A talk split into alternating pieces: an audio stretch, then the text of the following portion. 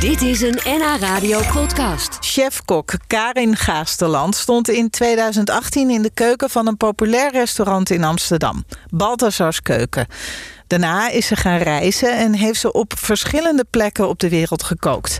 In Parijs bijvoorbeeld en in Marokko. Nu kookt ze in Nederland in pop-up restaurants. En er is een kookboek vol met herinneringen aan haar jeugd, haar reizen... en recepten die ze daarvan heeft meegenomen. Het boek heet Cuisine Carine, op zijn Frans dus. Ik ben uh, gewoon Nederlandstalig opgevoed. Mijn moeder Franstalig. En Ja. ik, Frans is een van mijn eh, favoriete, of mijn meest favoriete taal. En de Franse keuken eh, spreekt me ook heel erg aan. Dus soms als je, kan je er zo'n naam aan geven en dan klinkt het nog lekkerder. Maar jij heette dus vroeger trouwens ook Karine en nee niet joh, Karin. ik heet gewoon Oh, Karin. Ja, maar je moeder Maar zei cuisine niet... Karin eh, ja. klinkt mooi. nee, mijn moeder noemt me Karin. Gewoon Karin, ja.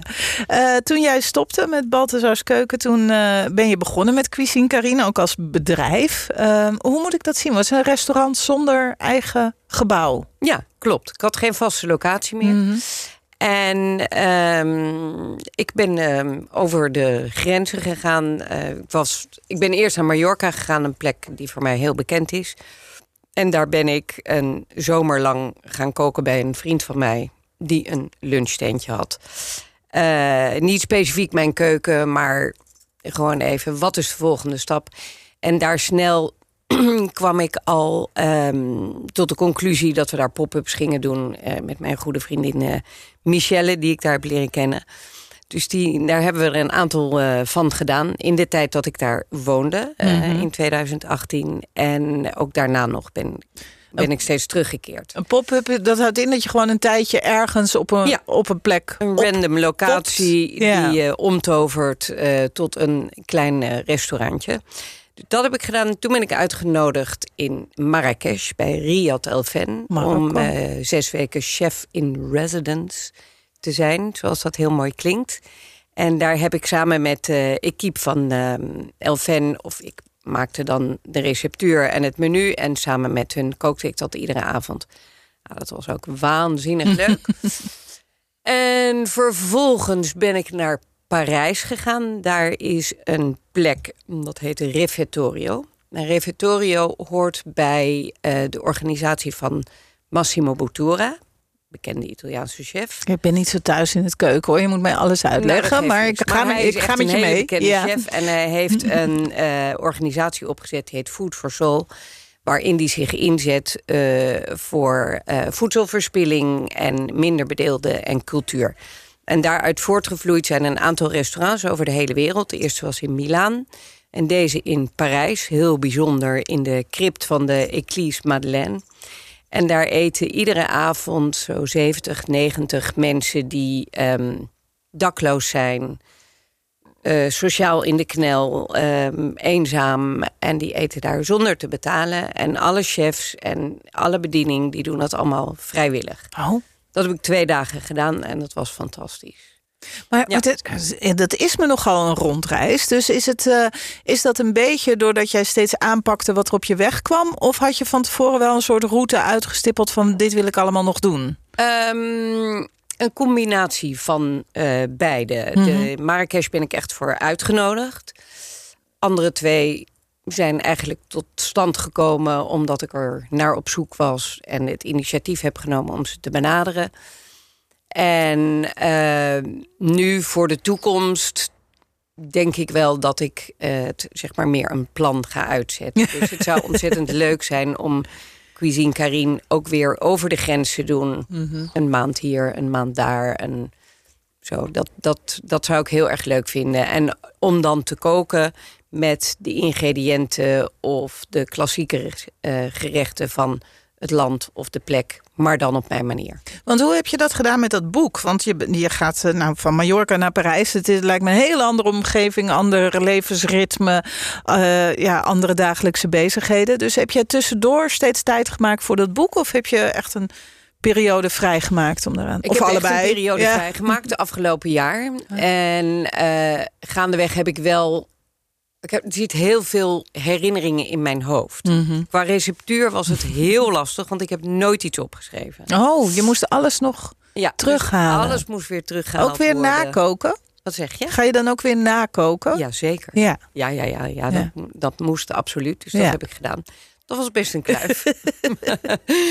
dus tegenwoordig, als ik een nieuw recept ontwikkel, dan schrijf ik het toch maar, eh, schrijf ik het toch maar op. Op aan, aan groot aandringen van eh, mijn dochter Zora Spook, die ook de prachtige foto's heeft gemaakt in het boek.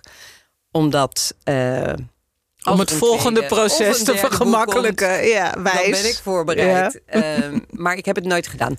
Dus dat was nu was het heel lastig. Maar wat het me heeft gebracht in het verleden is dat ik gewoon altijd kon blijven ontwikkelen en doen waar ik zin in had of waar ik trek in had, waarvan ik dacht dat de smaken een mooie combinatie zouden zijn. Dus ik was vrij. Als je dat dan allemaal op een rijtje zet, zijn er dan vaste waarden voor Karin Gaasland die je steeds weer bij recepten ontdekt? Ja, Ik begrijp dat je graag drank gebruikt in je Mhm. recepten.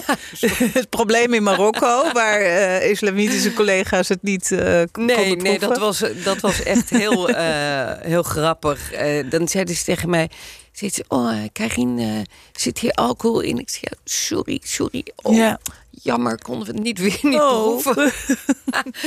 er waren ook een aantal die er werkten... die wat liberaler waren, die het dan Ja. wel proefden. Maar eh, nee, drank is een... eh, ja, dat, ik, ik, het is, ik zeg het nu steeds, dus het is net alsof ik een zware alcoholist. Ja. ja, maar het verdampt toch allemaal de Het alcohol. verdampt, precies, Ja. jij snapt het. Ja.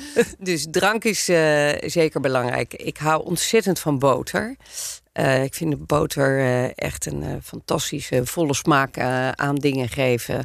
Maar ook gewoon zo puur op een radijsje of een plak Oh. suikerbrood. Heerlijk. Boter op een radijs. En natuurlijk knoflook, specerijen, kruiden. Specerijen vind ik ook heel fijn om mee te werken.